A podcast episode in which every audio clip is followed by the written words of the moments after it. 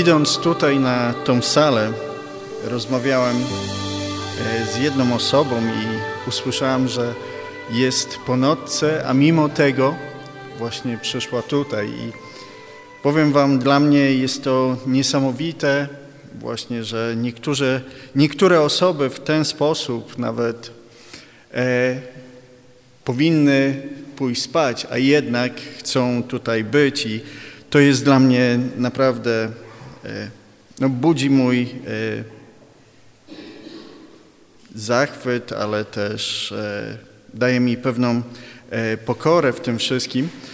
Kiedyś pamiętam, jak byłem w innym kościele, za każdym razem, co niedziela, jak zaczynałem mówić kazanie, jedna osoba w pierwszym rzędzie od razu zasypiała, odpływała.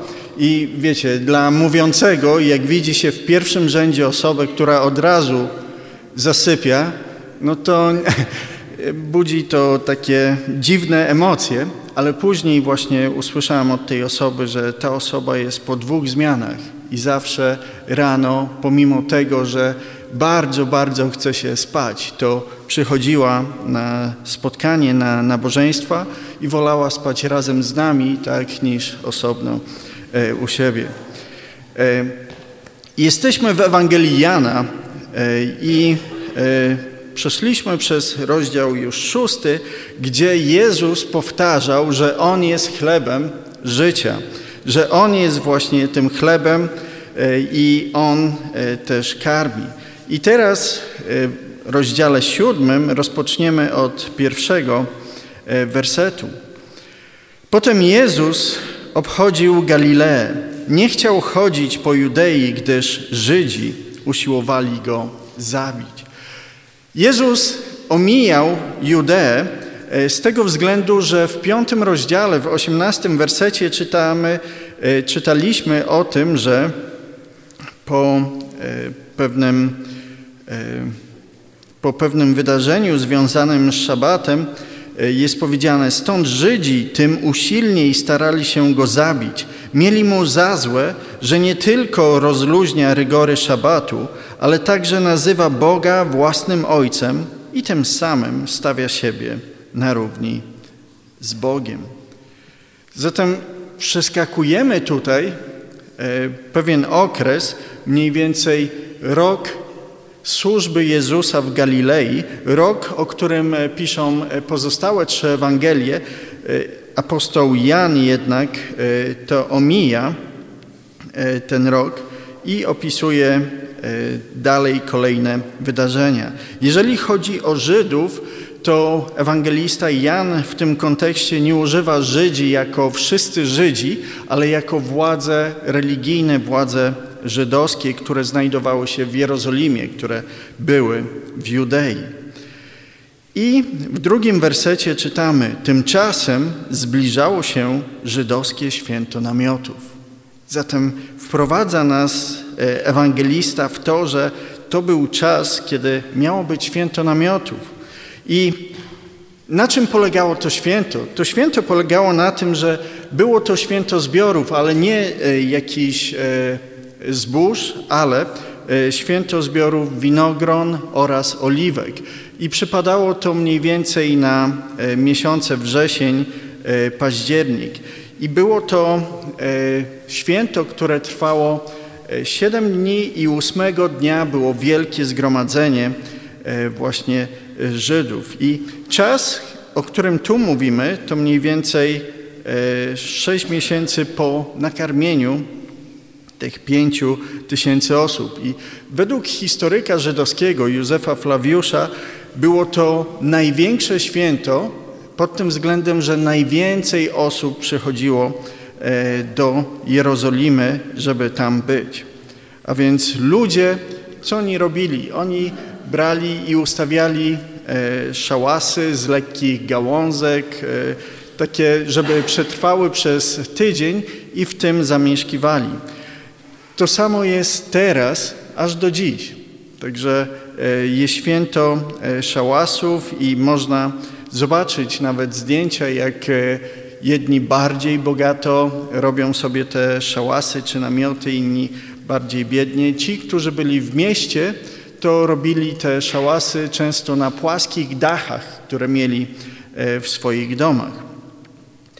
I co ciekawe, też to święto było znane między innymi z rytuału związanego z wodą i ze światłem, o czym e, będziemy w kolejnych tygodniach mówić.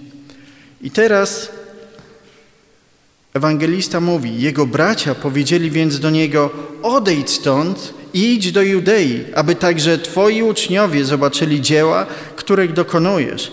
Nikt przecież nie czyni nic pokryjomu, jeśli mu zależy na jawności. Skoro takich rzeczy dokonujesz, daj o sobie znać światu.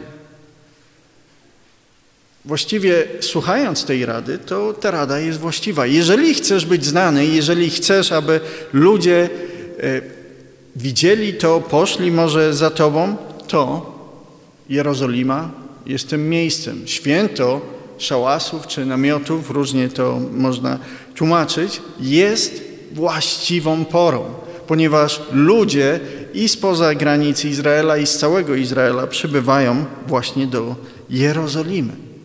A więc idź, pokaż światu. Właśnie to jest ten właściwy moment i właściwy czas, żebyś to zrobił. Ale zobaczcie, werset dalej. Jan mówi, bo nawet jego bracia nie wierzyli w niego. I nie chodzi tutaj o to, że nie wierzyli w to, że On dokonuje cudów, ponieważ cuda były i ludzie doświadczali, a mimo tego nie wierzyli. Oni e, nie wierzyli w Niego jako tego Mesjasza w sensie e, nowotestamentowym. Nie chodziło właśnie o wiarę w możliwość tego, co On robi, ale właśnie wiarę w to, kim On, jaka jest Jego rola że ma być Mesjaszem, który ma cierpieć. W szóstym rozdziale ludzie widząc znaki chcieli go obwołać królem, a więc bracia Jezusa mówią ty, no idź do Jerozolimy, zrób to samo i wtedy pociągniesz właśnie ludzi za sobą. Bracia zachęcali, aby Jezus stał się popularny, ale nie wierzyli w Niego jako Syna Bożego. Wiecie, jeżeli brat staje się kimś ważnym, no to rodzina automatycznie też będzie e, wywyższona.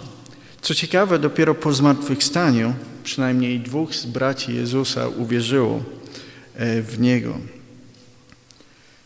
I tak, rady osób niewierzących często e, nie wypływają z ich złych intencji.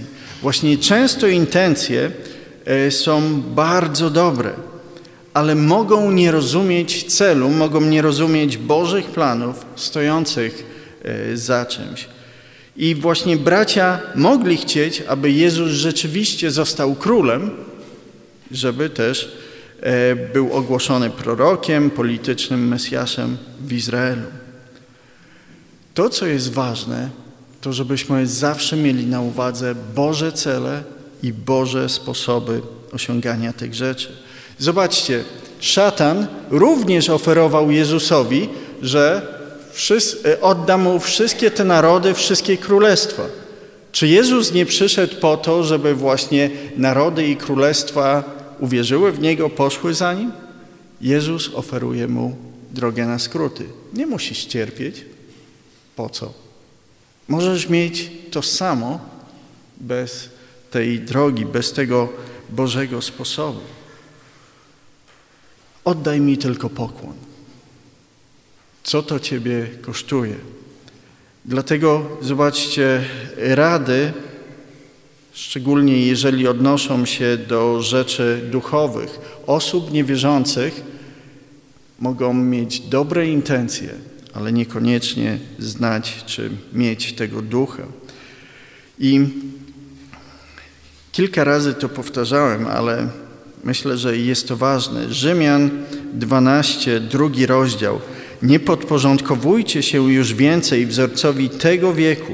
Niech was przeobraża wasz nowy, e, niech was przeobraża wasz nowy sposób myślenia, tak, byście potrafili rozpoznać, co jest wolą Bożą, co jest dobre, przyjemne i doskonałe. Nasz umysł ma być przeobrażany po co? Żebyśmy mogli poznać, co jest wolą Bożą, co jest dobre, przyjemne i doskonałe. Konflikty w kościołach często nie polegają na tym, że jedni chcą dobrze, drudzy chcą źle. Jedni i drudzy mogą chcieć bardzo dobrze.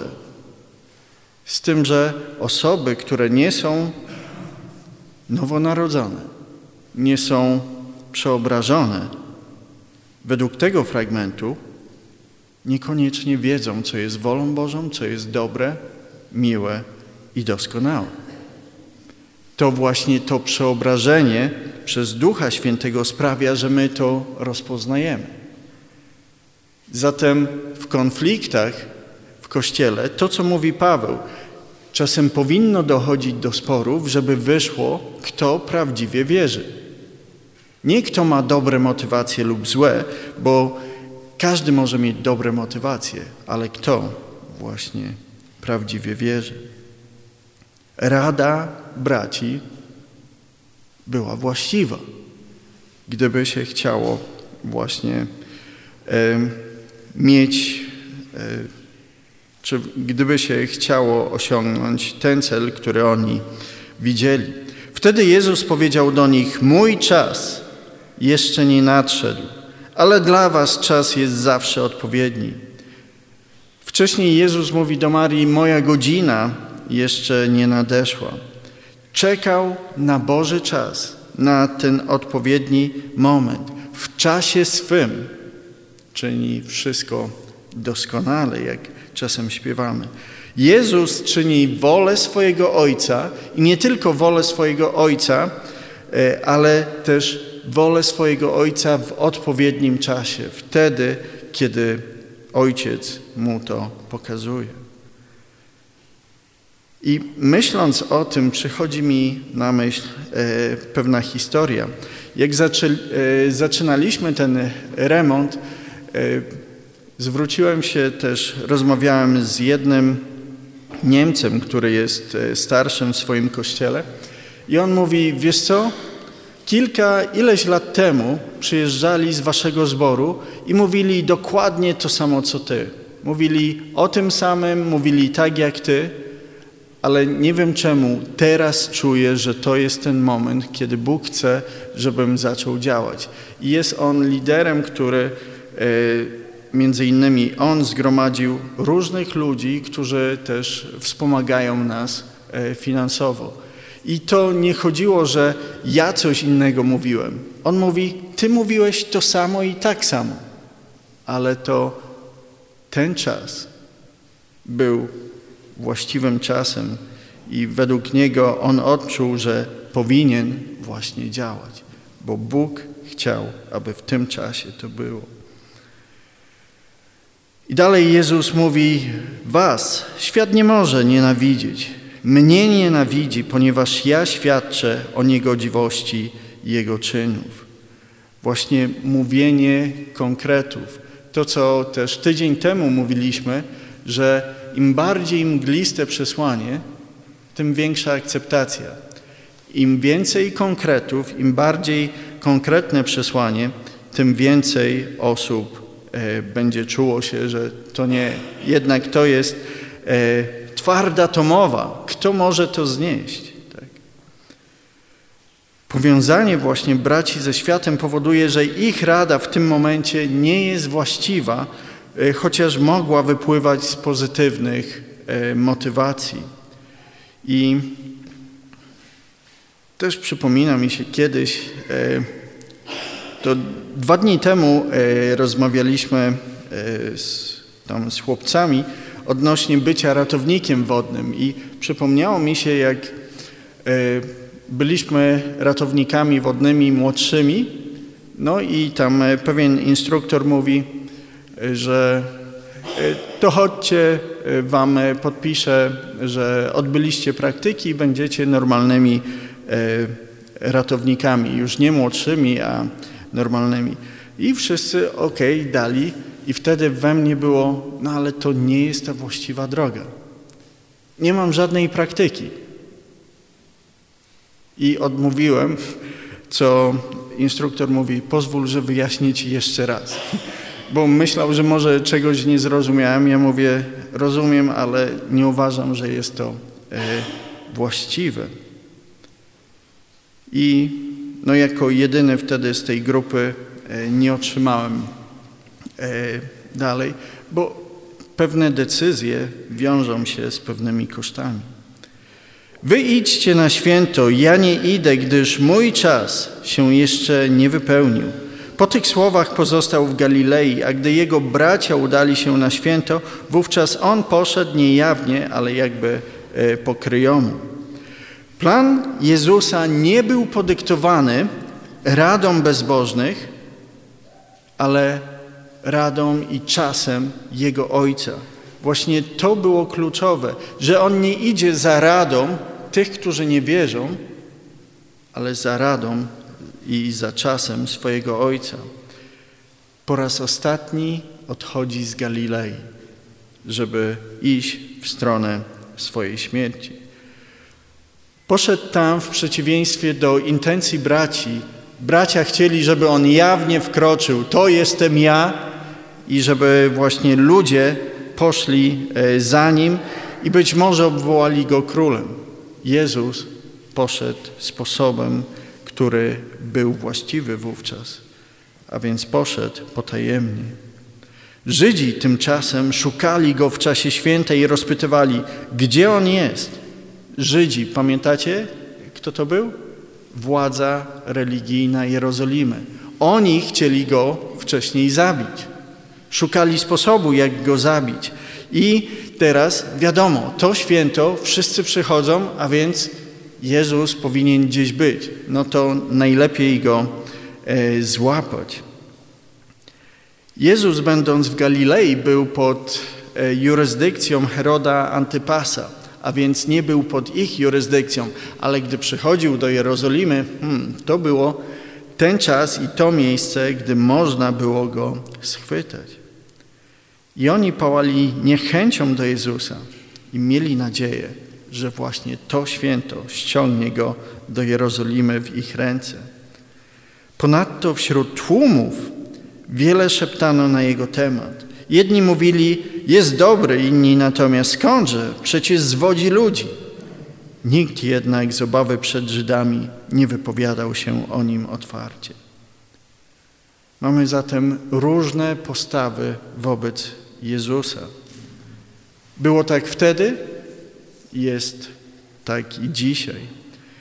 Negatywna opinia władz była znana ludziom, stąd własne osądy były jakby wydawane w ukryciu. Nikt publicznie e, ich nie chciał głosić, ale wszyscy ze sobą rozmawiali. Czasem to tak jak e, w rodzinach, w kościołach, tak? Wszyscy wiedzą, ale nikt publicznie e, czegoś nie powie. I co ciekawe, działanie tych władz religijnych przynosiło odwrotny skutek od zamierzonego, ponieważ oni chcieli schwytać Jezusa, a to, że wszyscy wiedzieli, że oni chcą schwytać, to było, hmm, co on zrobił i zaczynali rozmawiać. To czasem tak jak filmy zakazane powodują, że ludzie tłumnie idą, żeby je zobaczyć, bo są zakazane. Kiedyś był e, film Ksiądz, e, był zakazywany przez e, wielu duchownych, żeby na niego iść i ludzie szli. I później spytałem się jednej osoby, jak film? Mówi, beznadziejny. Ale poszedłem, ponieważ mówili, żeby nie iść, tak? A więc poszedłem go e, zobaczyć. I właśnie tutaj Żydzi, te władze żydowskie były przeciwko Jezusowi, a więc e, ludzie zaczęli o tym mówić. Jest, czego nie ma. Nie wiadomo. Wszyscy czuć takie ogólne podekscytowanie. Coś może się wydarzy w czasie tego święta. Coś jest na rzeczy. Gdzie jest ten Jezus? Być może Go zobaczymy, doświadczymy. I powiem Wam, że moje doświadczenie e, obecnie pokazuje, że ludzie są gotowi, ludzie chcą rozmawiać, może nie publicznie, nie w autobusie, nie w tramwaju, e, ale chcą rozmawiać o Jezusie. Gdy spotykam się w jakichś biurach e, czy w innych miejscach, czy czasem ludzie dzwonią i proszą, żeby coś powiedzieć o tym Jezusie. I rozmawiamy, i rozmawiamy. Coś się dzieje, ludzie oczekują i nie wiem, tak jakby żniwo jest gotowe. To, co mówił Jezus. I być może właśnie Bóg stawia Ciebie na ich drodze, na drodze tych ludzi, żeby z nimi porozmawiać, by Duch Święty poprzez Twoje świadectwo, Twoje rozmowy właśnie rozpoczął w nich dobre dzieło. Na razie w tłumie według Ewangelii Jana jest oczekiwanie. Przyjdzie, nie przyjdzie. Gdzie jest ten Jezus? Co się stanie? I my przeczytamy o tym kolejnym razem. Co się stanie, co Jezus uczyni. Ale co ciekawe, pół roku później Jezus w tej samej Jerozolimie będzie ukrzyżowany. Ale do, zanim to się stanie, to jeszcze trochę minie. Dlatego pamiętajmy, że Bóg czyni wszystko w sobie właściwym czasie. To po pierwsze. Poza tym pamiętajmy, że ludzie niewierzący, ich intencje mogą być dobre, ale to my mamy iść według planu Boga. My mamy iść według woli Boga, niekoniecznie e, według e, właśnie rady tych osób. I Bóg stawia ludzi na naszej drodze. Coraz więcej ludzi jest gotowych. Coraz więcej ludzi mówi o Jezusie, niejawnie, ale tak jak tu, przy tym święcie, jakby w ukryciu. Tak jakby miało coś wybuchnąć, miało coś się wydarzyć. I myślę, że my będziemy świadkami takiego niesamowitego wydarzenia, gdzie ludzie w końcu zaczną więcej i więcej i więcej mówić o Jezusie i o zbawieniu w Nim. Ale wszystko czasie swym.